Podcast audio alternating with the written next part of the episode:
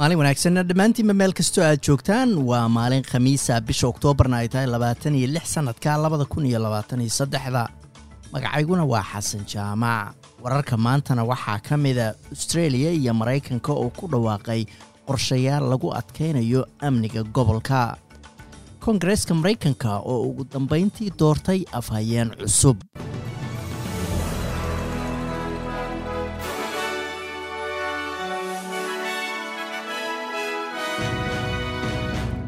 austreeliya iyo maraykanka ayaa ballan qaaday inay yeeshaan waxa ay ku tilmaameen xulafaysiga farsamooyinka cusub oo lagu sii xoojinayo arrimo ay ka mid yihiin sahminta hawada tamarta nadiifka cilmi baarista iyo weliba difaaca. Ra'iisul wasaaraha dalka austreeliya iyo madaxweynaha maraykanka oo hadlayay kadib shir labageesooda oo ka dhacay aqalka cad ayaa mar kale labaduba xaqiijiyey iskaashigooda diblomaasiyadeed. Madaxweynaha maraykanka ayaa sheegay inuu ku kalsoon yahay in heshiiska okus ee gujiska uu koongarees ku ansixin doono. Tan ayaa imanaysaa kadib markii maamulka biden uu lix dhibic saddex afar bilyan oo dollar ku maalgeliyey mashruucan si waddanka maraykanka gudihiisa loogu sameeyo qalabka iyo alaabada uu u baahan yahay. Tan ayaa sidoo kale lagu qancinayaa xildhibaanada jamhuuriyiinta ee sanadka oo markaasi walaac ka qabay arrintani.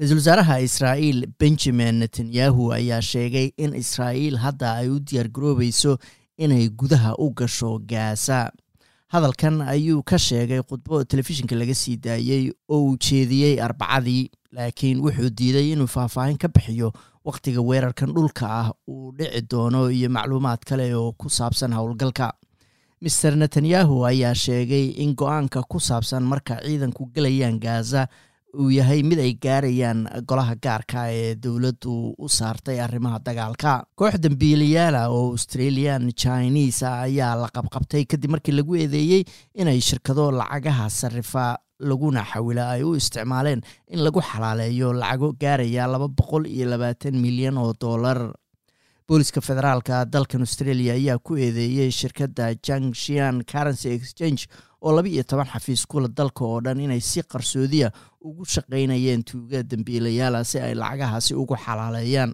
Xildhibaanada xisbiga jamhuuriyiinta maraykanka ayaa u magacaabay mike johnson inuu hogaamiyo aqalka wakiilada.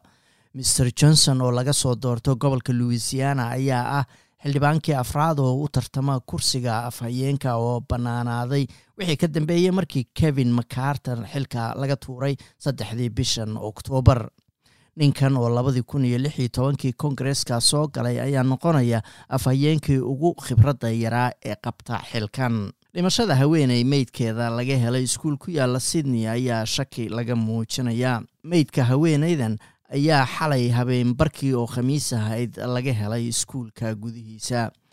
Booliska ayaan weli si rasmiya u magacaabin haybta haweentan geeriyootay laakiin wuxuu boolisku sheegay inay shaqaalo ka ahayd iskuulka geerideedana shaki hadda laga muujinayo. Saadaasha hawada berito oo jimca magaalada melbourne waa cadceed iyo sagaal iyo toban sydneyna waa roobab iyo sagaal iyo toban halka australian dollar maanta waxaa lagu sarrifayay lixdan iyo saddex senti oo lacagta maraykanka ah